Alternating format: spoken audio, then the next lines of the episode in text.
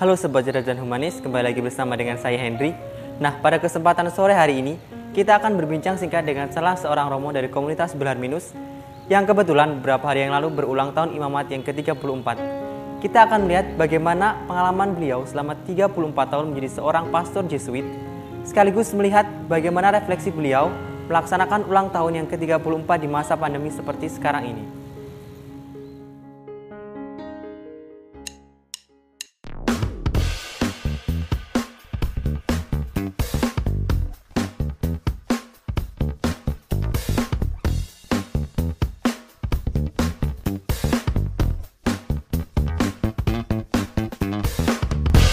Nah teman-teman, seperti sudah saya sampaikan di awal tadi bahwa sore hari ini saya akan berbincang-bincang singkat dengan salah seorang romo dari komunitas Gelar Minus. Nah siapa beliau? Beliau sekarang sudah berada di samping saya. Silahkan Romo untuk memperkenalkan diri kepada teman-teman. Halo guys, perkenalkan nama saya Romo Asis Martoko Subroto, Serikat Yesus. Panggil saja Romo Asis. Oh, jadi kita bisa panggil beliau Romo Asis Iya. begitu. Namun dengar-dengar belum lama Romo eh, merayakan pesta ulang tahun imamat yang ke-34. Oh ya, tahun ini saya ulang tahun yang ke-34 sebagai imam. Saya ditabiskan sebagai imam tahun 88. Jadi sekarang 34 tahun.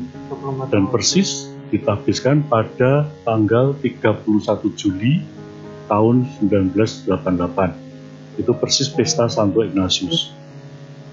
Kami waktu itu ber-16 ketika masuk di Sonta sebagai novis. Tapi setelah jadi setelah pendidikan selesai, ternyata teman-teman kami harus memilih memilih eh, hidup yang lain-lain sehingga kami tinggal berempat. Dari 16 orang kami tinggal berempat. Jadi yang lolos 4 begitu ya, Mo? Ya, seperberapa itu? Dari Empat. 16 menjadi 4, Tiga. seperempat. Tiga. 16 bagi 4, 4 kan? Iya, iya. Empat. Baik Romo, berarti kan Romo sudah 34 tahun menjadi seorang pastor Jesuit begitu. Hmm. Nah, gimana sih perasaan Romo setelah akhirnya menjadi tiga, apa 34 tahun menjadi seorang pastor Jesuit? Ya. Sebetulnya cita-cita iman imamat saya itu sudah saya inginkan sejak kecil. Mungkin ketika umur usia kela- kelas 2 SD saya sudah selalu ditanya Bapak Ibu, ditanya orang-orang, "Suk naik gede ada di opo?" gitu kan, biasanya gitu kan. Iya. Lalu saya menjawab, saya kepengen jadi imam, pengen jadi romo, tapi tidak jelas romo apa. Karena apa? Ketertarikan saya dengan seorang romo yang pakai jubah. Kalau anak kecil dulu kan seneng tuh misa-misanan gitu, Iya. Nah, itu. Main-mainan. main-main gitu. Tapi lama kelamaan keinginan saya itu kok menjadi bertumbuh. Sehingga ketika mau masuk seminari Mertoyudan waktu itu seminari Mertoyudan tutup hanya untuk eh, anak-anak SMP masuk. Nah, saya harus harus ke SMP dulu.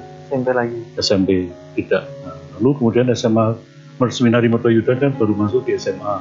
Iya. Tapi ternyata setelah SMA SMP lulus, saya tidak langsung ke SMA Mertoyudan, saya ke Loyola dulu. Oh. Jadi saya lulusan Kolese Loyola, Oh, sama dengan seperti Debrito di sini. Lalu masuk novisiat Giri Sonta bersama 16 orang teman, tetapi kemudian yang jadi imam ditabiskan kami berempat. hanya empat gitu jadinya. salah satu itu Romo Hari Susanto, ya.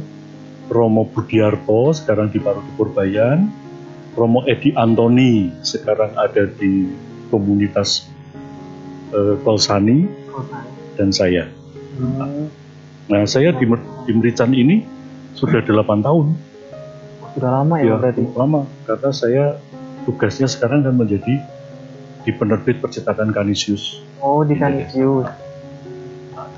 Mm-mm. Mungkin ada nggak sih mau satu hal yang mungkin masih Romo benar-benar ingat banget tentang eh, mungkin selama perjalanan Romo ini. Ya, suka duka sebagai imam. Ya. Tentu saja saya hayati dengan berbagai macam situasi. Sukanya memang karena itu cita-cita. Kegembiraan untuk ditabiskan menjadi imam, kemudian mencoba menghayati, mengembangkan, menumbuhkan. tugas pertama sebagai imam waktu itu saya tugas di pastoral mahasiswa di Jogja. Kemudian setelah itu saya bertugas di majalah hidup di Jakarta. Jakarta. Kemudian saya bertugas di Kolese Kanisius Jakarta. Kemudian ber- saya bertugas di eh, eh, Semarang, di Argopuro, di Provinsialan. Kemudian saya di Loyola dan yang terakhir sekarang ini di di mana? Di penerbit percetakan Ya. Kanisius. Itu mengalami banyak kegembiraan, penghiburan, peneguhan, ya, penguatan. Nah, dukanya ini bukan soal duka ya, tapi sisi lain yang juga harus dihayati, panggilan sebagai Yesuit itu harus siap sedia diutus ke mana saja. Ke tempat yang mungkin tidak eh, yang menantang. Seorang Yesuit harus berani untuk ditugaskan ke tempat-tempat yang menantang. Tidak tempat-tempat yang nyaman. Harus eh, bertugas ke sana. Menantang itu bukan berarti karena situasi pekerjaannya atau bukan situasi eh, lingkup ruangnya, tetapi lebih-lebih bagaimana mewartakan keyesuitan itu di mana pun. Di mana pun. Availability. Oh, berarti di mana pun siap sedia Di mana pun.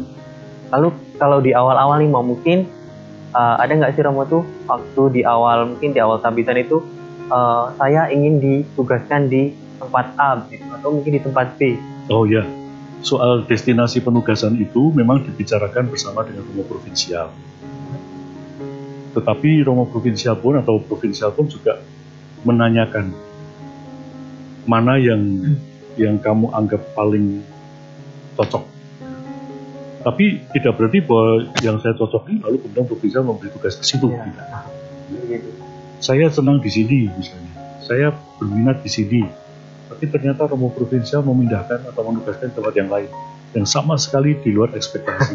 Bisa jadi. Nah, inilah kesiapsediaan seorang Yesuit untuk diutus ke mana pun, ke tempat yang paling berbahaya untuk jiwanya pun, atau ke tempat yang paling eh, nyaman, ya, itu tergantung dari perutusan. Jadi tergantung Jadi nah, kita itu tidak pernah me- apa ya nawar, bu saya ditugaskan di sana, bu saya ditugaskan di sana, enggak. Tapi siap ke mana pun kami ditugaskan. tapi ngikut ketua begitu ya istilahnya. Ya, Namun di mana pun ditugaskan harus siap sedia. siap sedia. Kalau mengenai tempat sendiri mau, kamu kan tadi sudah menjelaskan eh, di tempat apa ditugaskan di berbagai tempat gitu. Untuk tempat yang benar-benar Romo apa ya, istilahnya mungkin kurang disukai begitu mau? Eh bukan kurang disukai cuma lebih ke tempat yang Penantang. mungkin eh, menantang banget buat Romo begitu. Nah, bagi saya dari sekian sekian penugasan yang saya alami, itu yang paling menantang itu pertama ketika saya bertugas di majalah hidup. Hmm, di majalah. Itu saya itu paling menurut saya awal sebagai imam muda itu saya tertantang di situ. Tapi kemudian yang lebih menantang lagi ternyata ketika saya bertugas di Semarang di Provinsialat Semarang itu sangat menantang tetapi juga memberi wawasan bagi saya luas karena saya bisa berjumpa dengan para Yesuit dari par- dari wilayah-wilayah tugas yang jauh sampai yang dekat. Saya diperbolehkan untuk berkunjung ke tugas ke, ke tempat-tempat Yesuit yang bertugas sampai dari sampai di Irian, sampai di Timor Leste, sampai di Medan Dari tempat-tempat yang jauh mungkin. yang jauh dan memang kalau saya melihat dari lokasinya pun sebetulnya juga berat untuk seorang Yesus bekerja di sini. Berarti bukan hanya dari Romo sendiri tapi juga dari situasi Hmm. dan lingkungan juga kadang-kadang begitu. Dan Ya. itu itu mengesan bagi saya karena lalu saya mengenali wilayah-wilayah penugasan-penugasan Oh, tidak terbatas. Saya senang saya sekarang saya di Berican ketemu dengan para romo-romo dosen, gitu. Ya. De facto mereka bekerja sebagai dosen, tinggalnya di Berican. Wilayahnya mungkin Sanata Dharma. Benar. mengembangkan Mengembangkan. tentang cerdas humanis. Tapi meskipun tidak melihat lokasi-lokasi yang berat-berat di teman-teman lain, tetapi sebagai romo-romo dosen, saya melihat perjuangan para romo ini tidak kalah beratnya juga. Berhubungan dengan sesuatu yang sulit dan situasi dan keadaan yang sulit kan sekarang masih apa masih apa ya istilahnya masih di masa pandemi hmm. COVID-19 ya. gitu Mona. Dan kemarin juga bertepatan dengan ulang tahun Romo ternyata di masih di masa-masa pandemi. Ya. Nah, bagaimana Romo mungkin melihat hal tersebut uh, ketika Romo melaksanakan ulang tahun pengamat yang sekarang itu mungkin pasti ada perbedaan dengan uh, ulang tahun di tahun-tahun sebelumnya karena sekarang di masa pandemi kan ya. gimana Romo merefleksikan mungkin kok ternyata tahun ini ulang tahun pengamat saya berbeda dengan tahun-tahun sebelumnya. Betul. Tahun 2020 ini memang khusus. Biasanya di dalam di dalam merayakan pesta Santo Ignatius kami itu mengadakan pertemuan bersama. Seluruh Yesuit. Ya. Biasanya di Sangkal Putung, dua atau tiga hari. Lalu berkumpul bersama, ketemu face to face. Tetapi dengan pandemik ini, semua semua pertemuan-pertemuan itu diganti dengan live streaming. Online begitu. Online.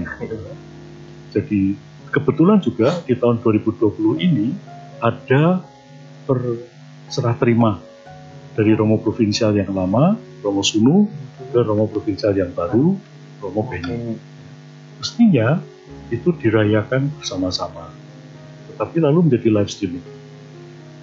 Dilalah atau bagusnya adalah ketika kita merayakan dengan cara online, itu malah kita bisa berjumpa dengan saudara-saudara kita, para Yesuit Indonesia yang ada di Amerika, yang ada di Roma, yang ada di Thailand, yang ada di Myanmar, yang ada di Malaysia, Singapura, lain-lain dan lain-lain.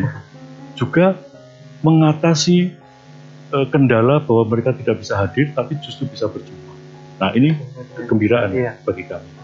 Termasuk juga merayakan 34 tahun imamatku dengan teman-teman itu pun, toh akhirnya juga online Ya, akhirnya semuanya menjadi online gitu. Uh, Soalnya bisa mendekatkan yang jauh begitu. Uh, itu dari sisi Yesuit ya. Tetapi saya sendiri menghayati betul dengan misa online itu, itu kita tidak lagi bisa misa bersama-sama dalam dengan dalam satu gereja besar, gitu. Tapi justru sekarang umat tidak lagi berjumpa di gereja besar, tetapi di keluarga-keluarga. Nah ini menarik bagi saya ini menarik sekali. Karena apa? Meskipun kita tidak bisa bisa bersama, tapi justru kehadiran gereja itu ada di keluarga. Oh, begitu ya? Iya benar. Di setiap hari Minggu keluarga kumpul, ya, membuka televisi, ya, lalu mereka ikut misa. Ya, online. Di rumah masing-masing. Iya tidak dengan segala macam sambil jegang atau sambil minum enggak. Mereka sungguh-sungguh duduk di situ disediakan altar kecil dengan meja dan lilin dan salib lalu misa. Online meskipun komuninya komuni batin tapi saya melihat bahwa inilah kekuatan gereja kita yang tidak terkonsentrasi pada satu gedung. Justru gereja hadir di mana-mana mana-mana kan. Hadir di mana-mana. Justru malah mendekatkan anggota ah. keluarga begitu ya mau nah nah ini berkaitan lagi dengan misa online. Mau tadi kan Romo menyebutkan bahwa mungkin kalau di lingkungan keluarga itu untuk melakukan kegiatan atau melakukan misa online itu satu hal yang mungkin mudah itu dilaksanakan gitu. Nah tapi mungkin untuk teman-teman yang uh, sedang jauh dari keluarga mungkin seperti anak kos dan anak rantau itu menurut saya akan lebih banyak godaan ketika ingin melaksanakan sebuah misa online begitu mau. Ya. Nah mungkin Romo bisa menyampaikan pesan kepada teman-teman, tentunya seperti saya nih, kan saya juga anak anak kos yang ya jujur-jujuran saja untuk misa online itu satu hal yang sangat apa istilahnya mungkin ya cukup berat begitu. Justru saya melihat dengan misa online itu pengembangan kreativitas kita atau pemahaman kita tentang teologi tentang ekaristi itu berkembang luas ekaristi itu tidak hanya sekedar dirayakan di dalam gereja bersama, tapi Ekaristi itu sekarang ditumbuh kembangkan di dalam kehidupan sehari-hari. Termasuk rekan-rekan muda. Rekan-rekan muda ini ketika tidak ada misa on, ketika ketika ada misa online, sebetulnya kan lalu yang penting ada kerinduan nggak sih di hatiku untuk sekurang-kurangnya kalau misa itu meskipun tidak ikut misa tapi berjumpa dengan teman-teman, ya? Berjumpa dengan teman-teman, lalu melihat teman-teman, tidak ikut misalnya tapi ngobrol di luar, it's okay. Tapi dalam lingkup gereja, dalam, dalam suasana ekaristi bersama. Maka ketika misa online ini terjadi, teman-teman pun mungkin tidak lagi melihat bisa bertemu dengan teman-teman yang lain seperti biasa, tetapi kreativitasnya untuk ikut misa online, meskipun hanya khotbahnya tok, Iya benar. atau kemudian setelah baru rampung ditutup lalu kemudian buka lagi berkatnya kok nggak apa-apa Ya, tapi itu sudah menjadi partisipasi baik itu aktif maupun pasif tetapi di dalam konteks ekaristi Ekaristi. Jadi, jadi Ekaristi itu justru lebih berkembang sekarang begitu ya, Bu? Mm-mm. bukan hanya berhubungan dengan sesuatu yang ada di kapel atau di gereja Oh. begitu. Justru sekarang Ekaristi justru lebih meluas.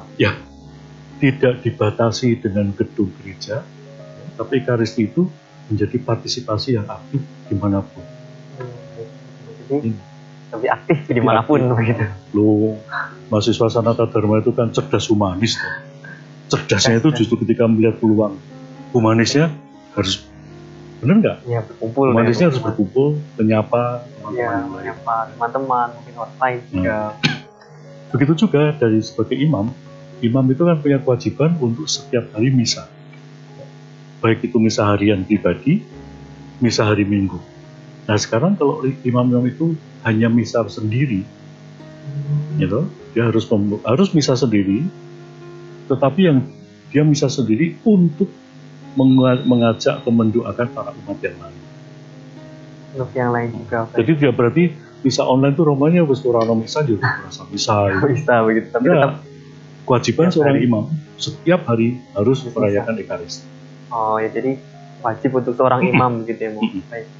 Nah itu teman-teman mungkin tadi sudah kita melaksanakan sharing bersama dengan Romo terkait pesta ulang tahun beliau yang ke-34 dan juga kita sudah melihat tentang bagaimana refleksi beliau di masa-masa pandemi kemudian juga beliau banyak sharing tentang pengalaman-pengalaman beliau selama 34 tahun mungkin jika teman-teman ada yang tertarik untuk menjadi seorang pastor Jesuit mungkin bisa konsul dengan beliau begitu ya Nah mungkin itu saja bincang-bincang kita dengan Romo untuk kesempatan sore hari ini. Uh, mungkin kita akan bertemu di lain waktu lagi. Terima kasih Romo atas kesempatannya. Terima kasih, terima kasih teman-teman muda, cerdas, humanis. Nah begitu. Halo.